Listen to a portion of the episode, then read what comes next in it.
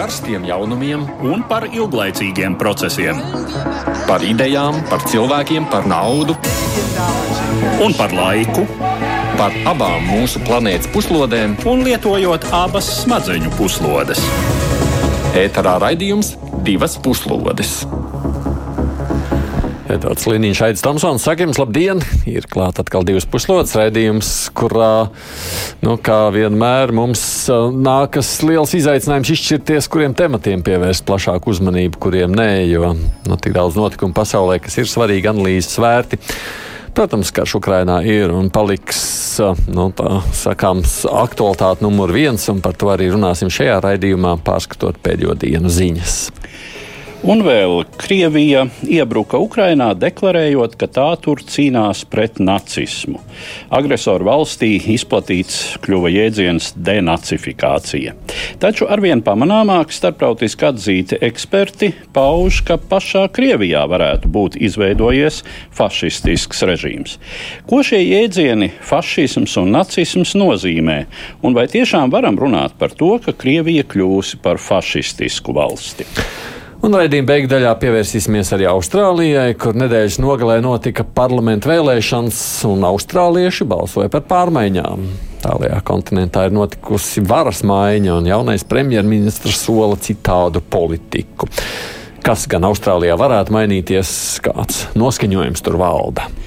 Raidījuma laikā mums būs gan sazvanīšanās ar vairākiem sarunbiedriem, gan studijai attālināti pieslēgsies vairāki raidījuma dalībnieki. Un Edvards ir arī sagatavojis tādu īsu ieskatu katrā no tematiem. Un pirms pievēršamies fašismam un nacismam, vispirms pārskatīsim notikumu attīstību Ukrajinā. Arvien vairāk pazīmju liecina, ka pretinieku spēki pašreizējā Ukraiņas kara fāzē pietuvojušies izlīdzinājuma punktam. Krievija pēdējās nedēļās atvilkusi savas vienības no Harkivas pievārds un lielākajā daļā frontes līnijas neveic aktīvus uzbrukumus. Izņēmums ir Severodonetskas pilsētas apkārtne, kur Krievija koncentrē pūliņus šīs pilsētas ieņemšanai. Ukraiņas puses militāri eksperti raksturo Ukraiņu situāciju šai rajonā kā smagu. Ja Severodonetska kritīs Krievu rokās, tas varētu likt Ukraiņiem atstāt praktiski visu Luhanskas apgabala teritoriju, un tas Kremļa režīmam būtu nozīmīgs politisks iegūms, kur varētu pat pasniegt pat kā zināmu uzvaru. Tikām vispārējā situācija arvien vairāk sāsina jautājumu par iespējamo Ukraiņas spēku pretuzbrukumu, tā rezultātiem un prognozējamo pašreizējās kara darbības iznākumu. Šai kontekstā atsevišķi notikumi māja vidū atkal likuši uzdot jautājumus par Eiropas Savienības ietekmīgāko dalību valstu gatavību konsekventi atbalstīt Ukrainu un neļaut Krievijai iegūt no pašreizējās militārās agresijas. Ar bažām tāpēc uztvērti Francijas prezidenta Emmanuela Makrona izteikumi 9. maijā noslēdzot konferenci par Eiropas nākotni. Savā uzrunā viņš aicinājis, domājot par perspektīvu pēc pašreizējā kara, neļauties kārdinājumam pazemot, ko daudz tulko kā mājienu respektēt Kremļa vēlmes. Eļu ugunī pielēja Ukraiņas prezidenta Zelenska teiktais intervijā Itālijas telekanālam RAI, ka prezidents Makrons mudinājis viņu upurēt daļu Ukraiņas suverenitātes, lai ļautu Putinam ar godu izkļūt no pašreizējā konflikta. Oficiālā Parīze gan tūdaļ noliegusi, ka republikas prezidents būtu mēģinājis ko tādu panākt un apliecinājis uzticību Ukraiņas suverenitātei un atbalstu Kievai tās pārstāvē ar Maskavu. Tāpat zināmas samiernieciskas tendences tikušas saklausītas Itālijas premjerministra Mario Draghi izteikumos vizītes laikā Vašingtonā 11. maijā. Kaut Itālijas līderis nepārprotam paudis, ka nedrīkst mēģināt uzspiest Ukrainai kādu miera noteikumus, viņš aicinājis intensificēt centienus miera panākšanai. Šo Francijas, Itālijas līderu paziņojumu Edvards vispār pēdējās nedēļās diezgan daudz aprunāti.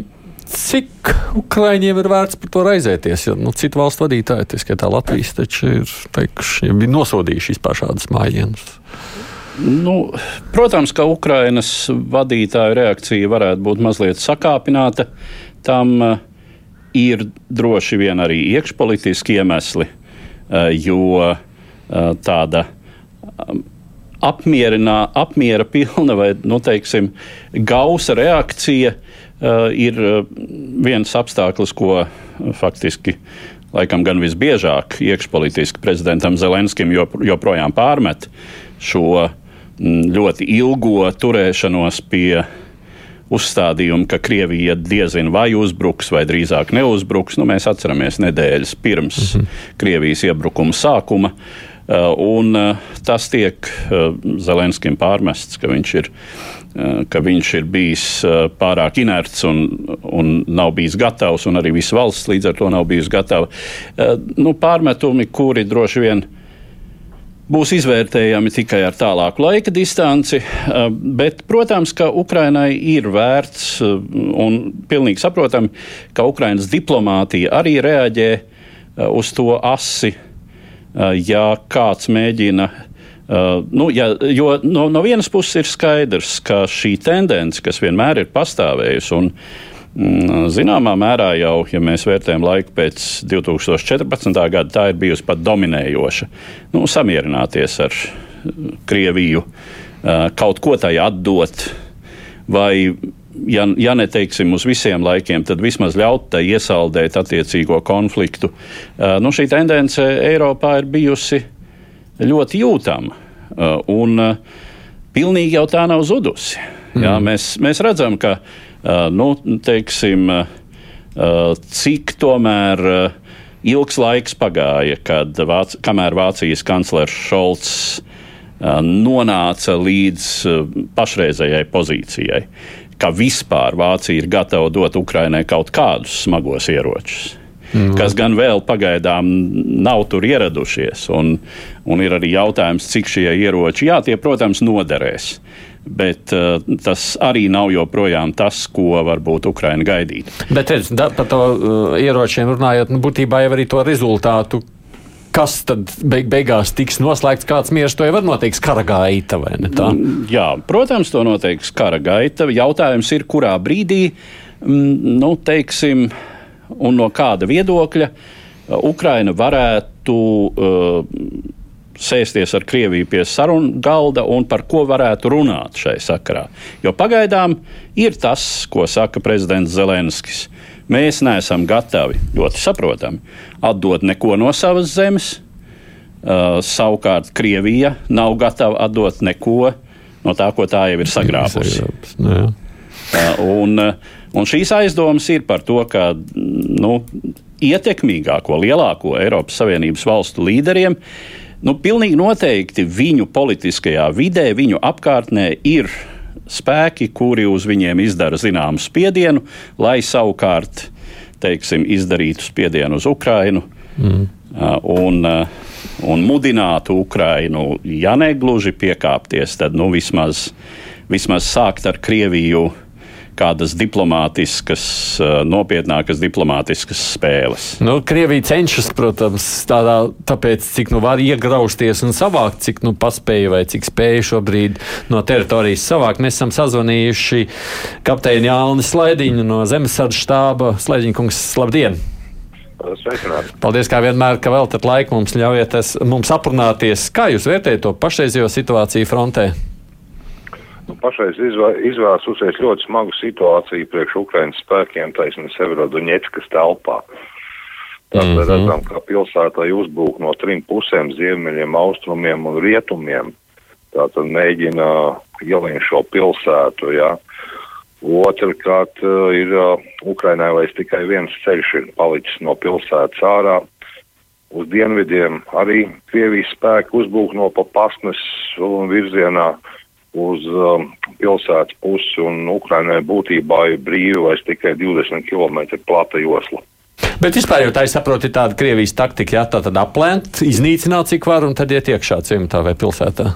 Vai nu, būtībā viņi ir mainījuši šo taktiku, ja mēs uh, skatāmies, kā bija sākumā, ka viņi mēģināja, teiksim, šīs pilsētas aplenkt, ja tad, tad viņas viņi vienkārši iznīcina, ja masīvi artilērijas uguns aviācijas atbalsts, jā, un tādā veidā viņi cenšas pārņemt šīs apdzīvotās vietas.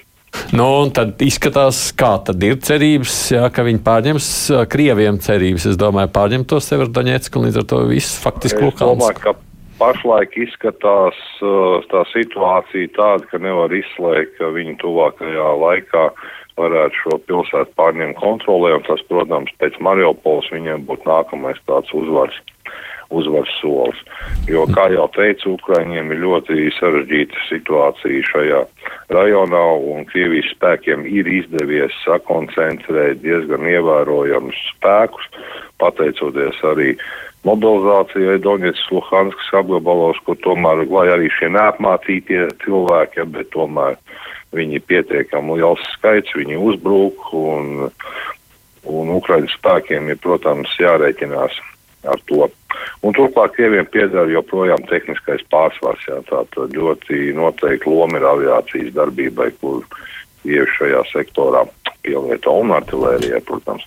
Un tad tālāk pēc tam būs nākošo Daņetskas virzienu, jā?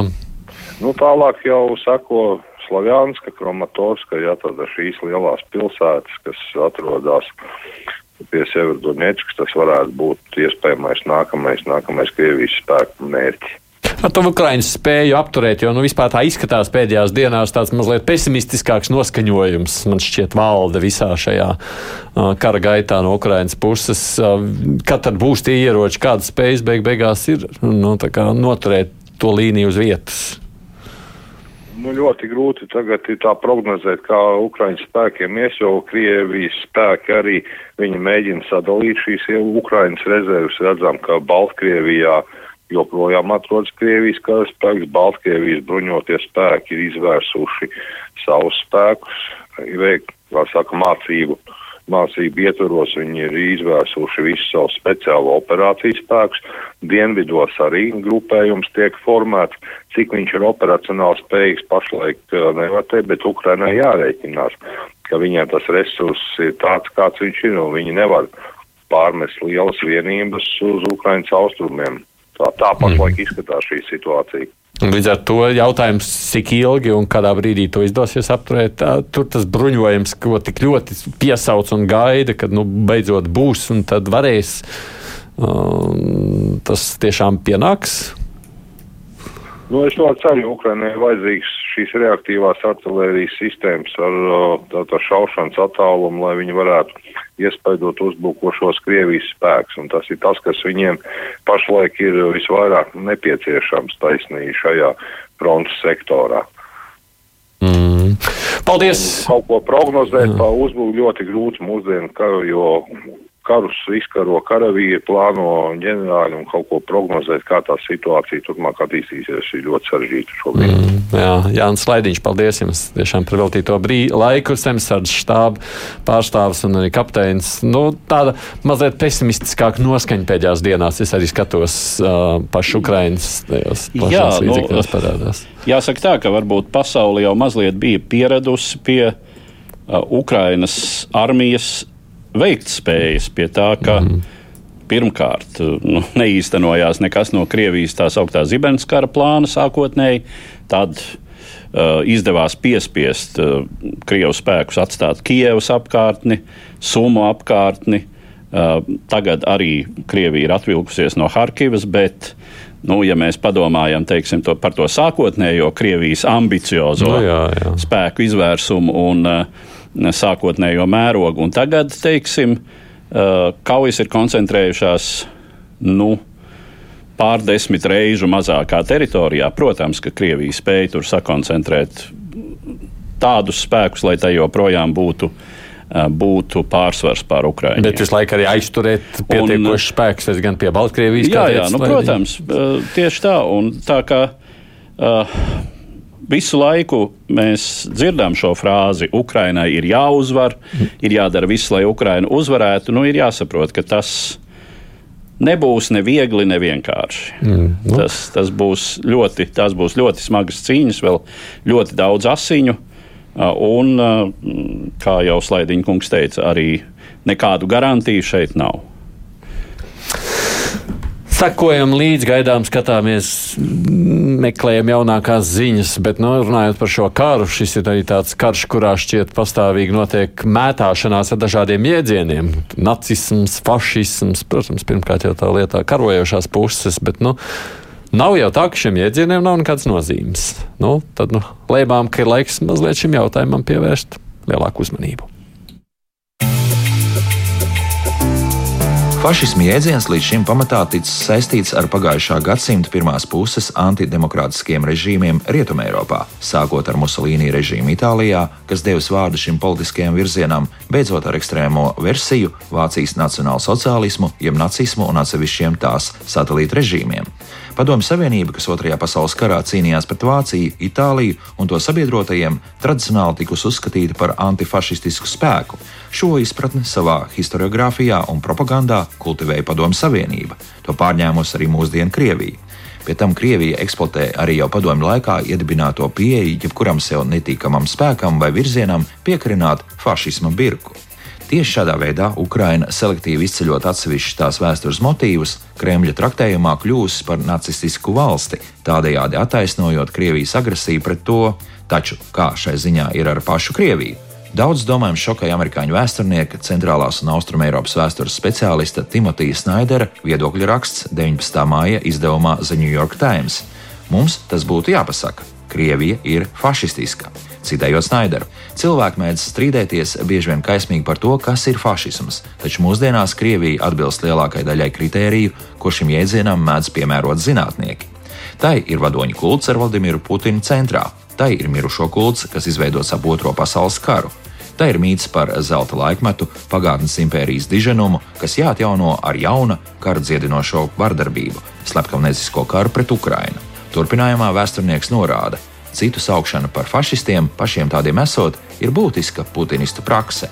Amerikāņu filozofs Jasons Stenlijs to sauc par iznīcinošo propagandu. Es to saucu par šizofašismu.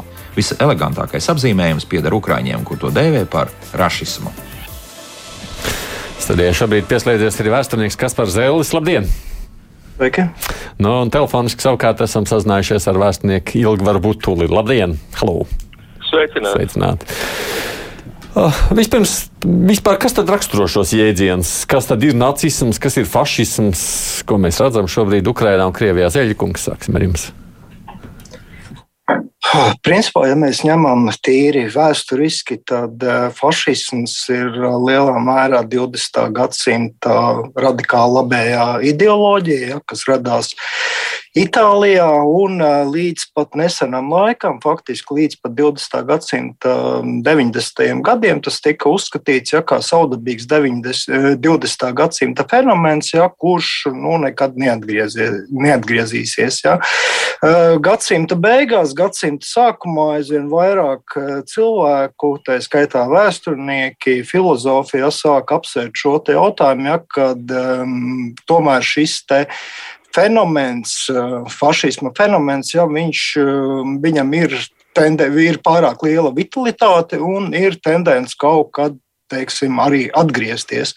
Un šīs te fašismu tendences, kas parādījās um, nu, dažādās uh, kustībās, jaunajās, kas radās um, Eiropā, ja, nu, darīja cilvēkus aizvien vairāk teiksim, uzmanīgākus. Uh, protams, te uzreiz izcēlās daudz lieli strīdi par to, kas tad īsti ir um, šis te fašisms, ar ko viņš atšķirās no neofašisma. Tas pats jautājums, parādās strīdi, kas pastāv diskursīvā līmenī, kas tad īsti ir uh, nacisms un ar ko viņš atšķirās no neonacisma. Par to var runāt ļoti daudz un, un, un dikti. Ja.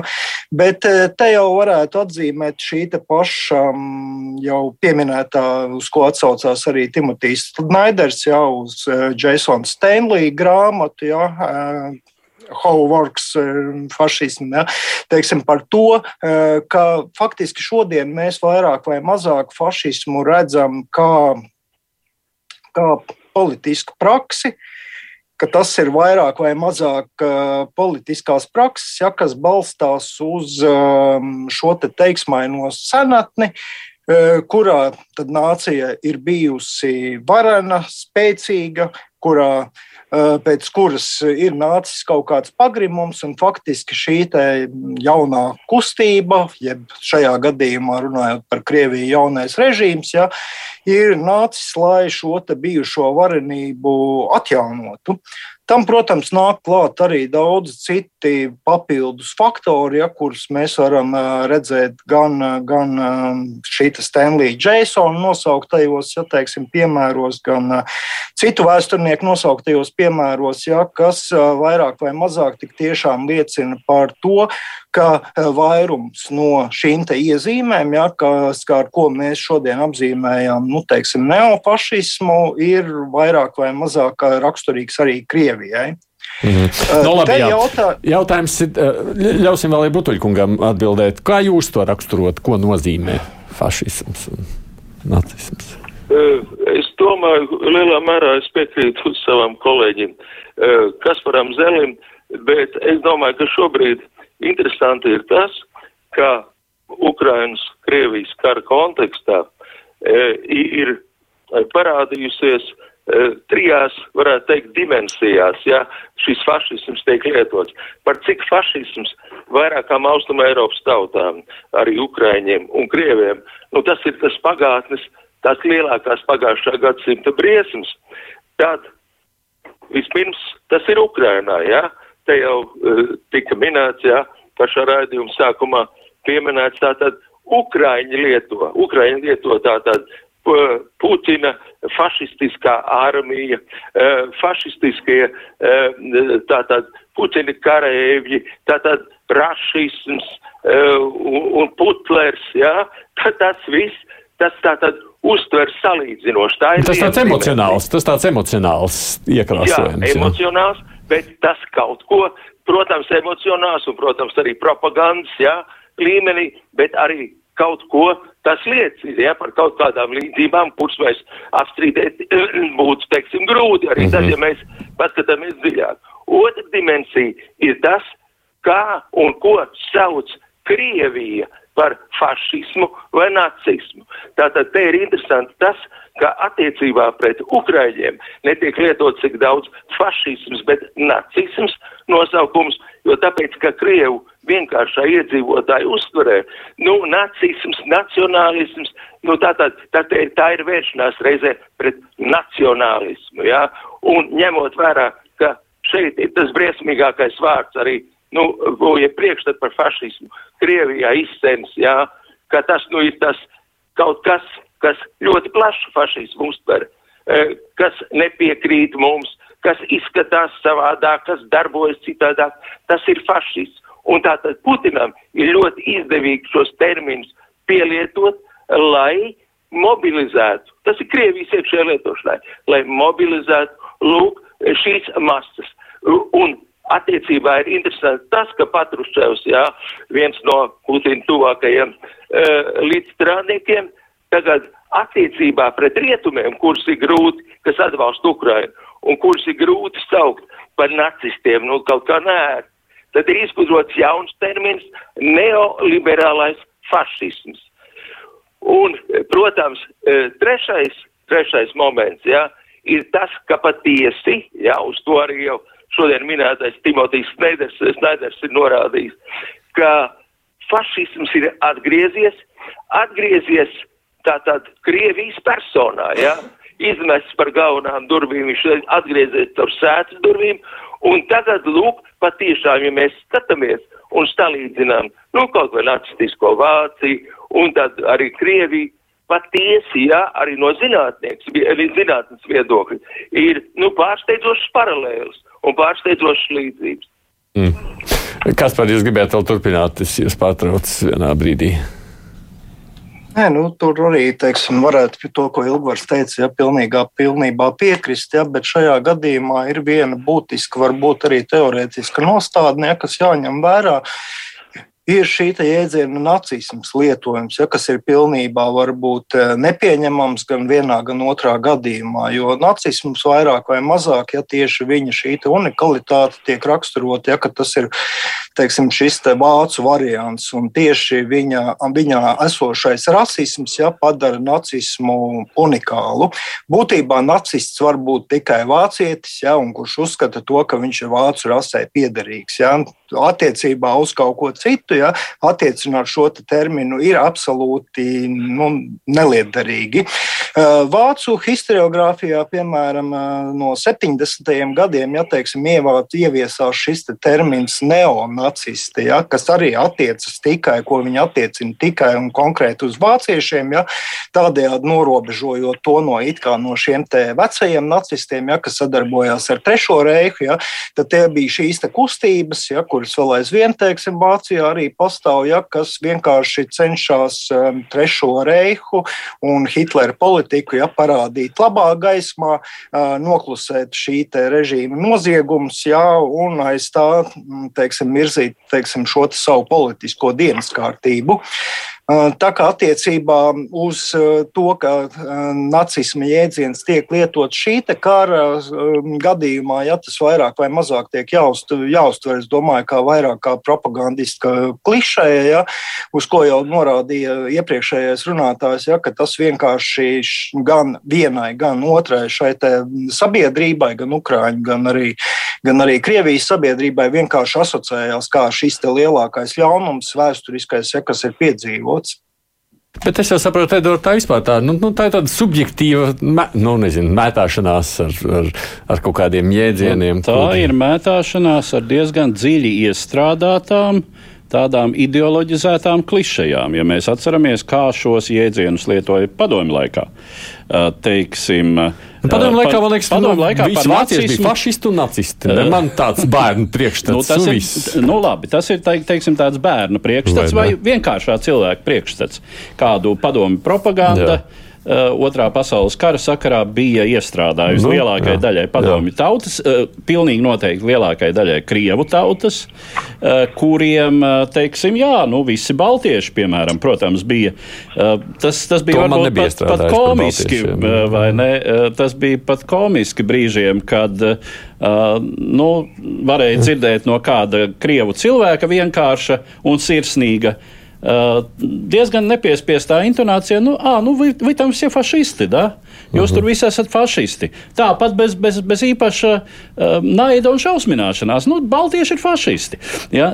Mhm. Ko tas uh, reāli nozīmē? Kāds ir uh, tas vēsturiskais saturs par, par to šiem cilvēkiem? Bija tāds visai izplūdis priekšstats. Uh, un tas, ka šie jēdzieni ir ārkārtīgi izplūduši. No, jā. un būtībā līdz ar to piekarināma birka jebkam, kas mums nepatīk.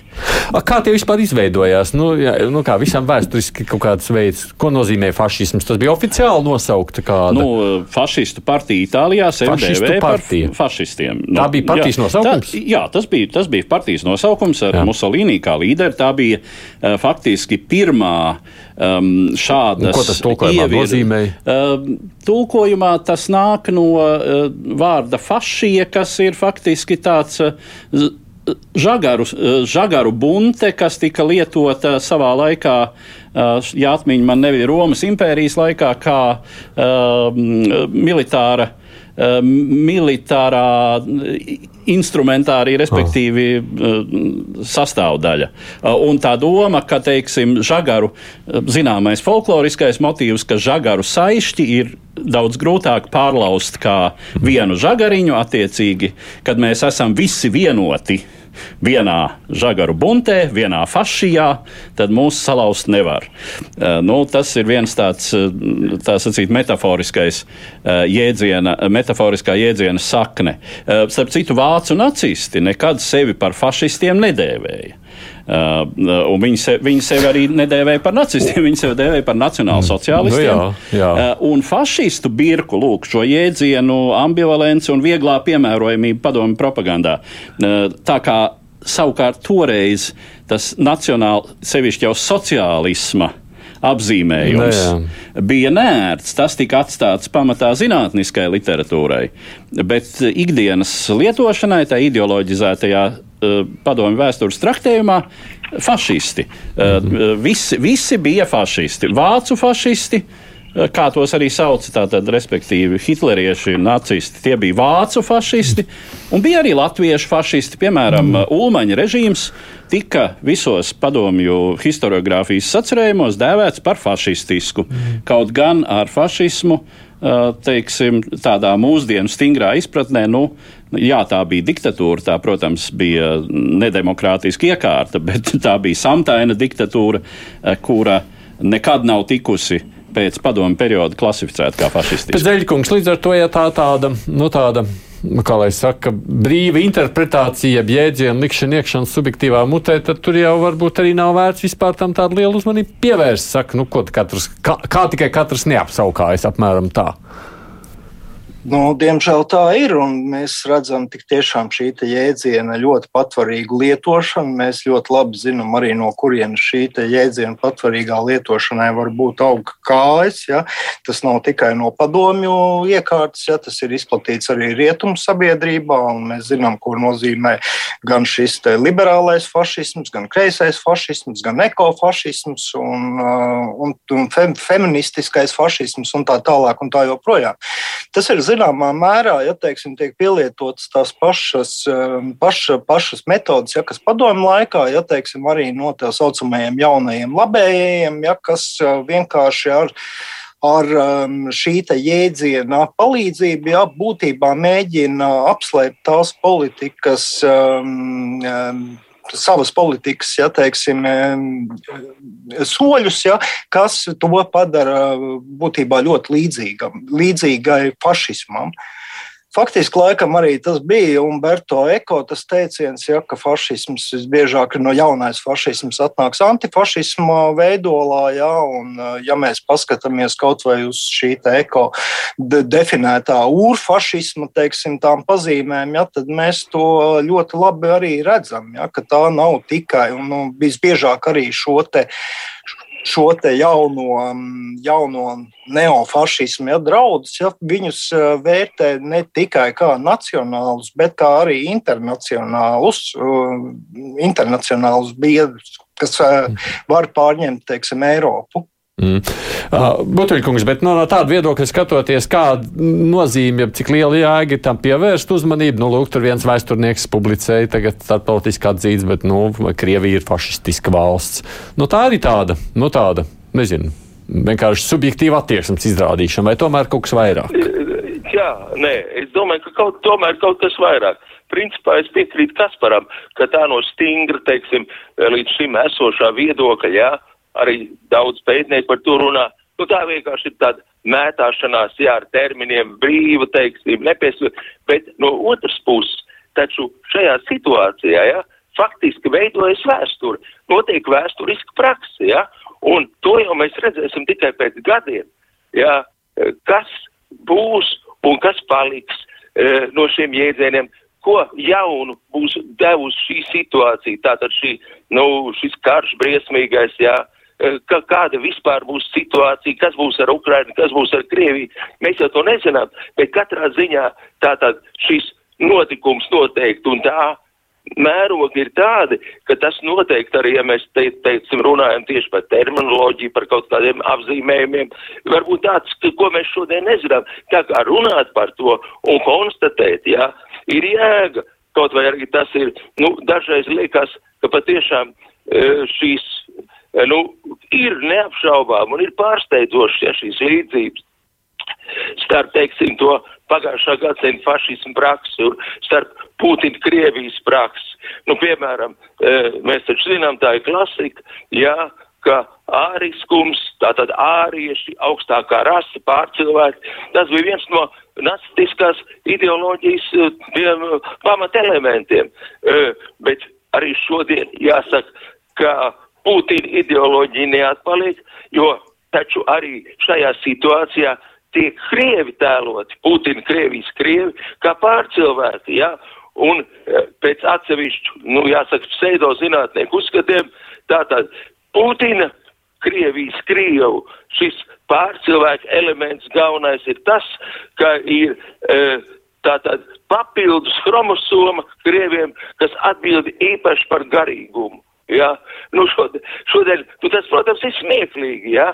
bet tas viss pieder, tas viss pieder pie lietas, un tas viss pieder pie tā, ja?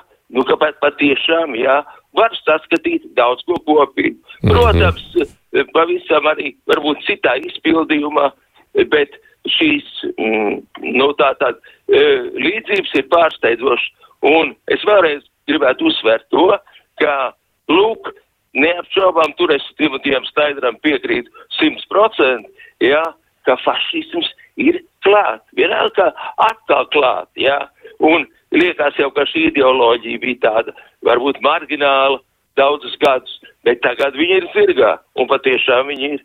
Mm. Zaļkungs ir Krievija fašistiska valsts. Un te būtu grūti pateikt viennozīmīgi. Ja es runāju tīri emocionālā ziņā, jā, es teiktu, pilnīgi noteikti es redzu lielāko daļu šo pazīmju. Tomēr vairāk vai mazāk teiksim, vēsturnieks darbojās nu, saka, jau apos, ar aposterioru informāciju, nevis rīkojās saka, notikumu gaitā. Un šajā gadījumā es redzu, ka mēs vienkārši sekojam vēl 20. gadsimta kartēm, ja, lai apzīmētu šo režīmu, vai viņu īsti mēs varēsim dēvēt par fašistisku vai tur ir tomēr jārunā par kādām citām lietām, ja tik tiešām ir parādījušās arī teorijas, kas nav tikai kā, kas, saka, tāds ideoloģisks apzīmējums par rašismu, ja, kā atsevišķu varbūt ideoloģiju. Varbūt viņi jāsauc labāk ir tā. Labi. Jā, laiks jā. rādīs katrā ziņā. Paldies es jums saku abiem diviem vēsturniekiem, kas pieslēdzās mūsu sarunai Ilgvars Butulis un Kaspars Zelis. Nu, tāds skats runājot par šo tematiku. Nu, bet mums ir uh, vēl viens temats, kam šodien gribam pievērst uzmanību raidījuma laikā, un tas ir uh, nu, pārmaiņas notiek tik tālā zemē kā Austrālija. Tur nedēļas nogalē bija parlamenta vēlēšanas. 21. maijā austrālieši devās pie vēlēšanu urnām, lai pārvēlētu 151 Austrālijas parlamenta apakšpalātas deputātu, kā arī 46 no 76 augšpalātas senāta locekļiem. Lai gan šobrīd joprojām nav saskaitīta gan arī ceturdaļa balsu, ir skaidrs, ka varu zaudējusi līdzinējā premjerministra Skota Morisona centriski labējā valdība. Morisona vadītais politiskais spēks Austrālijas politikā pazīstams kā koalīcija, proti liberālās partijas un nacionālās partijas tandēms, kas praktiski nemainīgi darbojas kopš 1946. gada. Pēdējais koalīcijas varas periods ilga kopš 2013. gada, un prezidenta Morisona kabinets nostrādāja pilnu varas ciklu pēc 2019. gada vēlēšanām. Tam izdevās sākotnēji diezgan sekmīgi darboties globālās pandēmijas apstākļos, lai gan pēdējos gados pieauga kritika par vakcīnu aptveres rādītājiem un testēšanas risinājumiem.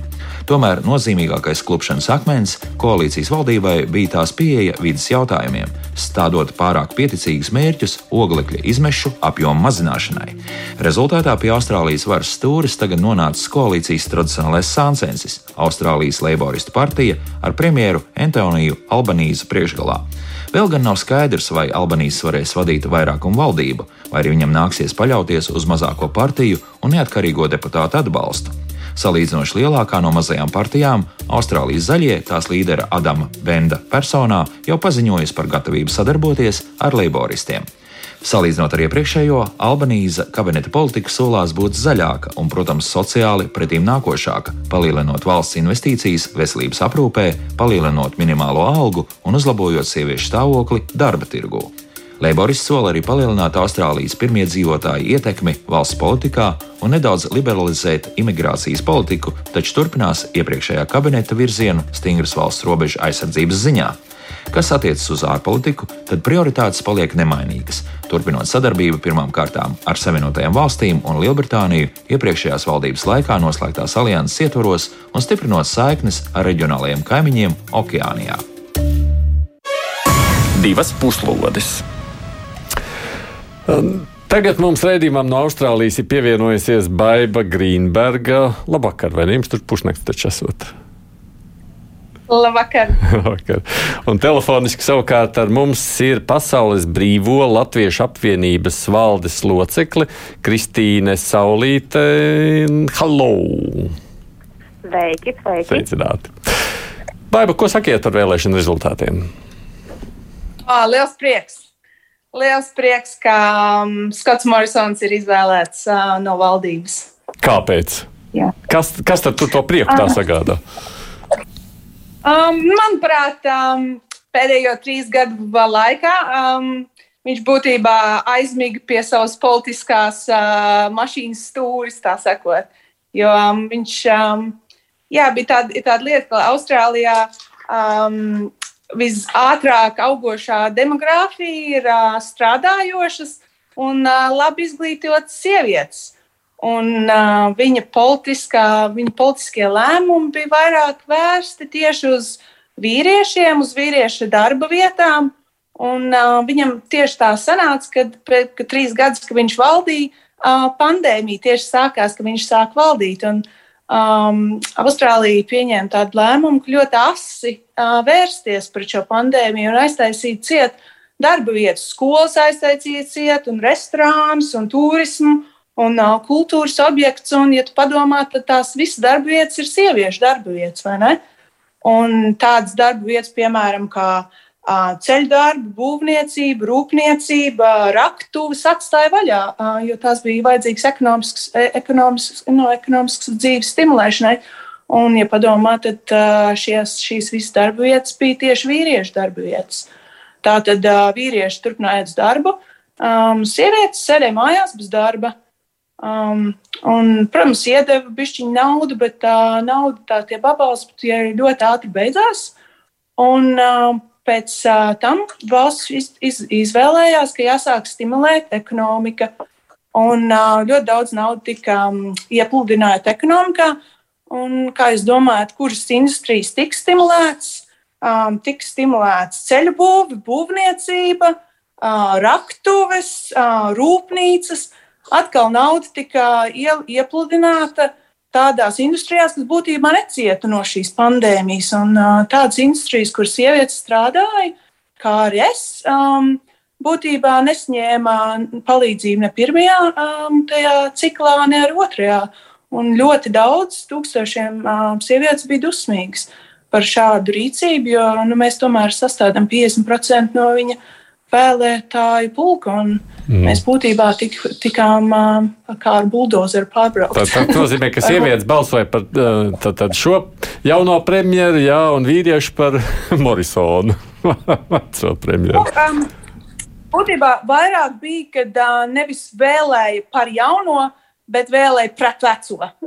okay, no. Jaunajam vēl sev ir jāpierāda. Mm. Nākošie trīs gadi, jo viņš nekad nav bijis, viņš tāds uh, vairāk. Um, ne, nezināms politiķis šeit tomēr. Ne, viņš daudz nav parādījies politiskajā dzīvē, un um, daudz par viņu ļoti daudz nezināja, bet uh, tieši bija tāds dusmu, dusmu vēlē, vēl, vēlēšana pret uh, Morisonu, nevis mm -hmm. par Albanīziju. Mm -hmm. Saulīts kundze, savukārt, kā, nu, cik piekrītat, cik varbūt kaut ko papildus piebilst, kā jums šķiet, kas noteica šo vēlēšanu rezultātu? Nu, es varbūt nebūšu gluži tik skarba kā Baiba šī gadījumā. Es arī vēlēju vēlēšanās gan pa pastu. Um, es pat esmu Austrālijā 30 gadus um, nodzīvojusi, un um, es piekritīšu tam, ka varbūt šīs vēlēšanas bija balsošana pret pastāvošo iekārtu. Un ir jāņem vērā tas, ka Austrālijā ir principā divu partiju, galveno partiju iekārta, un tas parasti iet viena partija, tad otra, viena, otra tādā veidā. Un arī uh, klāt, protams, balsis nāk no tām saucamajām neatkarīgajām partijām. Uh, bet um, šoreiz, manuprāt, lielu lomu nospēlēja pandēmija, kā jau tas visur, kur citur pasaulē arī bija ieskaitot um, Latviju, un tad, protams, uh, visi cilvēki ir neapmierināti ar pastāvošo iekārtu, cik tā ir strikta vai arī nestrikta. Um, un, un šī gadījumā, jā, es domāju, ka Austrālijā bija ļoti strikta šī, šī pandēmijas um, šie pieņēmumi, šie, šie lēmumi, un, protams, cilvēki no tā ļoti, ļoti nogura.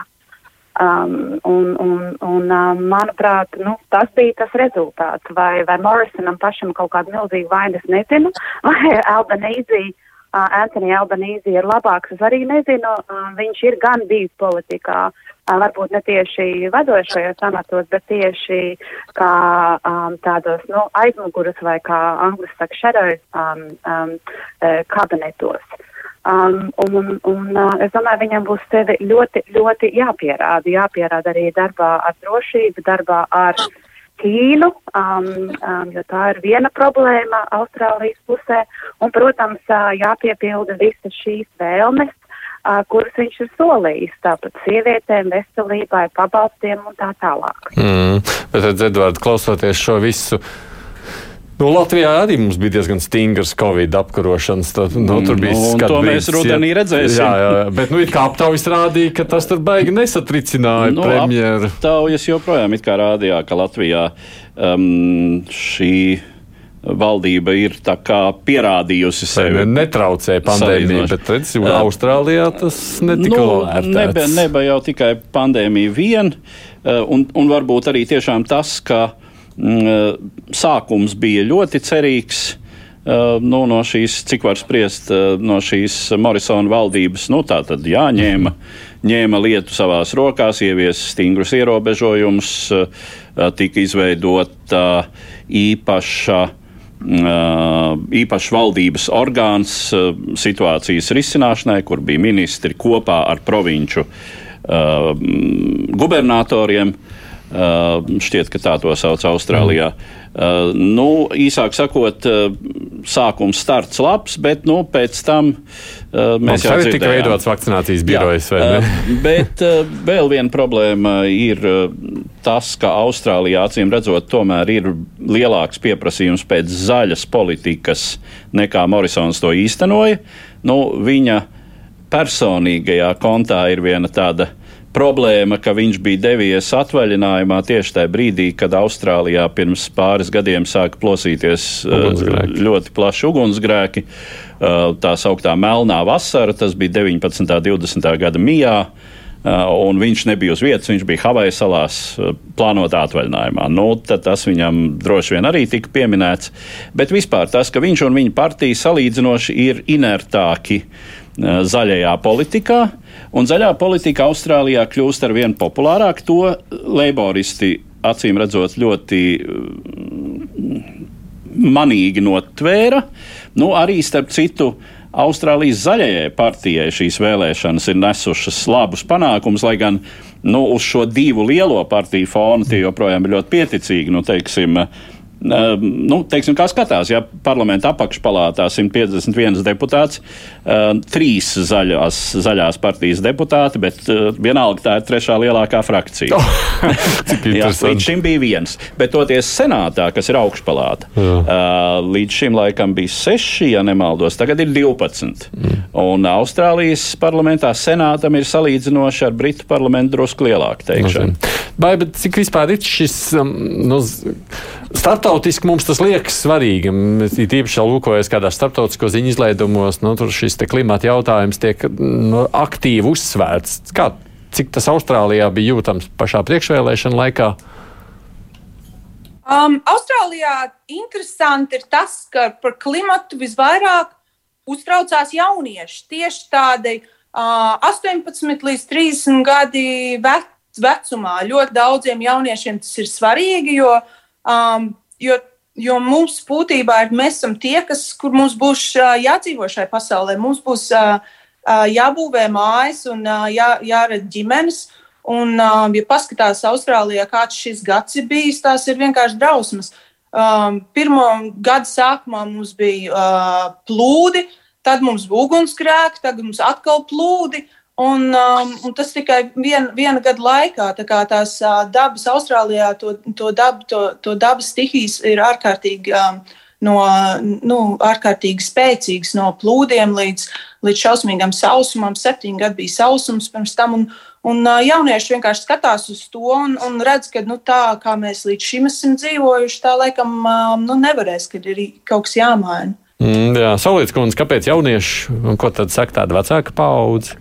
Um, nē, nu, jaunieši parasti visur pasaulē, visos laikos tie, kas ierosina pārmaiņas. Es domāju, šeit atkal nekas īsti um, tāds, uh, tāds jauns nav, bet es noteikti piekrītu tam, ka Austrālijā ļoti daudz runā, uh, es neteikšu, ka tikai jaunie cilvēki, um, ļoti daudz runā par um, vidi kā tādu uh, un kā cilvēks ietekmē vidi ieskaitot to, ko mēs varam darīt daudz labāk, uh, lai saglabātu savu zemi, savu vietu nākošajām paudzēm. Es domāju, ir svarīgi pieminēt to, ka Austrālija ir ļoti labi pārtikusi zeme. Uh, līdz ar to var, ja tā teiksim, var atļauties arī domāt par dziļākām lietām. Um, uh, tieši par, par, par dabu, par, par dabai saudzīgām um, lietām. Bet zaļais jautājums ir bijis, um, nu, cik es atceros, droši tā, kā saka angliski un agenda, um, jau gadu desmitiem. Un, un uh, tieši varbūt šo pēdējo ugunsgrēku, kas bija tie lielākie, kaut gan ugunsgrēki, ir pavisam parasta dabas parādība Austrālijā. Tas ir kā zeme atjaunojās, ticiet vai ne tur.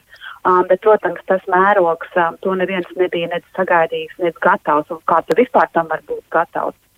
Mm -hmm. um, tad šis uh, lika padomāt pavisam noteikti, um, uh, kā cilvēks ietekmē un ko, kas mums ir jādara, lai šādas katastrofas nu, tik bieži nenotiktu.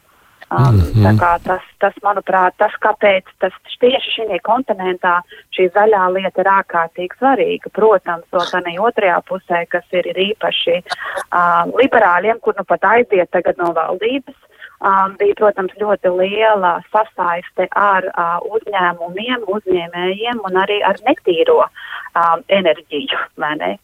Tā kā tur arī, Nē. tur arī lietas, kas ir, kam ir jāmainās. Bet pieminējot vēl tikai pēdējo šogad um, valdībā, um, iepriekšējais kungs minēja, šogad ir īstenībā 16 neatkarīgie krēsli, ja tā varētu teikt. Tā kā tas ir ļoti ievērojams skaits. Jā. Nē, ne. Bet, uh, redzī, nu, kā jau te sacīja mūsu viešņas, nu, tāds vairāk protests pret nekā balsojums pār jaunā mm, kā, valdību. Uh, kaut ko tam mēs varam sagaidīt no jaunās, jo būtībā jau vajadzētu zināt, kā neko vairāk.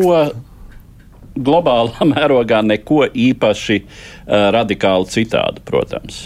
Uh, jo, mm, nu, ja skatās uz tādām citām nozīmīgām politikas lietām, tad uh, Mm, teiksim, kas ir imigrācija, jā, mazliet varbūt liberālāki noteikumi, bet uh, piemēram stingrā robežu apsargāšanā abas partijas ir vienotas. Uh, ārpolitikā pilnīgi noteikti Austrālijas kurs nekādā ziņā nemainīsies. Uh, Austrālija, protams, uztrauc Ķīnas ekspansija. Turpat līdzās Klusā okeāna, Okeānijas rajonā sevišķi nesen noslēgtais Ķīnas uh, savienības līgums, militārās savienības līgums ar Zālamanu salām, nelielu salu valsti, mm. kas tomēr ļauj Pekinai sacīt, pastiprināt savu ietekmi reģionā. Tas Austrāliju uztrauc un, un šī uh, vienošanās savukārt ar Lielbritāniju un Savienotajām valstīm kā pretsvars Ķīnai, uh, tas viss paliks savā vietā, pilnīgi noteikti. Baiba, ko jūs sagaidāt, jeb ko jūs cerat no? Jaunās valdības?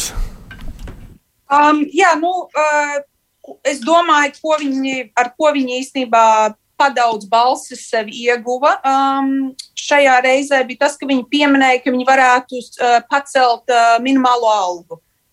Un um, dzīves dārdzība Austrālijā ir, uh, pēdējā gada laikā ir ārkārtīgi um, sadārdzinājusies līdz ar to, ka uh, dīzeļdegviela un degviela ir palikusi ļoti dārgāka. Uh, māju, māju cenas ir vienkārši uzsprāgušas šeit. Līdz ar to, um, ka uh, Antonius Albanīzī pieminēja, ka viņš varētu pacelt minimālo algu, um, tas ir, um, es domāju, ļoti daudziem cilvēkiem um, ļoti sāpīgs un um, vajadzīgs um, solis, jo tiešām dzīves dārdzība šeit ir palikusi um, jā, 6%. Man liekas, tā inflācija šeit ir ārkārtīgi liels cipars mm -hmm. priekš algām. Mm -hmm.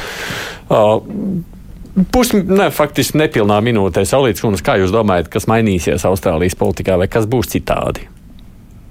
Godīgi sakot, es, es um, nedomāju, ka milzīgi daudz kas mainīsies. Tā ir tāda liela, um, stabila, droša zeme, uh, kur um, nereti saka to, ka uh, Uh, nu, vieni, vieni tērē un otri taupa, tā kā vairāk, teiksim, no tam starp divām lielajām valdībām.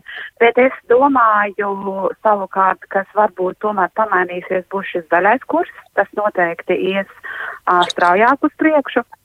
Un, protams, arī, kā Baiba minēja, uh, algu pielikumi, jo Austrālija ir vienmēr bijusi dārga zeme, bet paliek arvien dārgāka. Uh, Um, un, un tur noteikti būs jāskatās par atalgojumu um, cilvēkiem. Tā kā zaļais kurs, algas un arī robežas, um, joprojām tās paliks ļoti striktas, es domāju, mm -hmm. bet arī būs interesanti skatīties, kā attīstīsies, um, turpinās attīstīties attiecības ar Ķīnu. Ķīnu.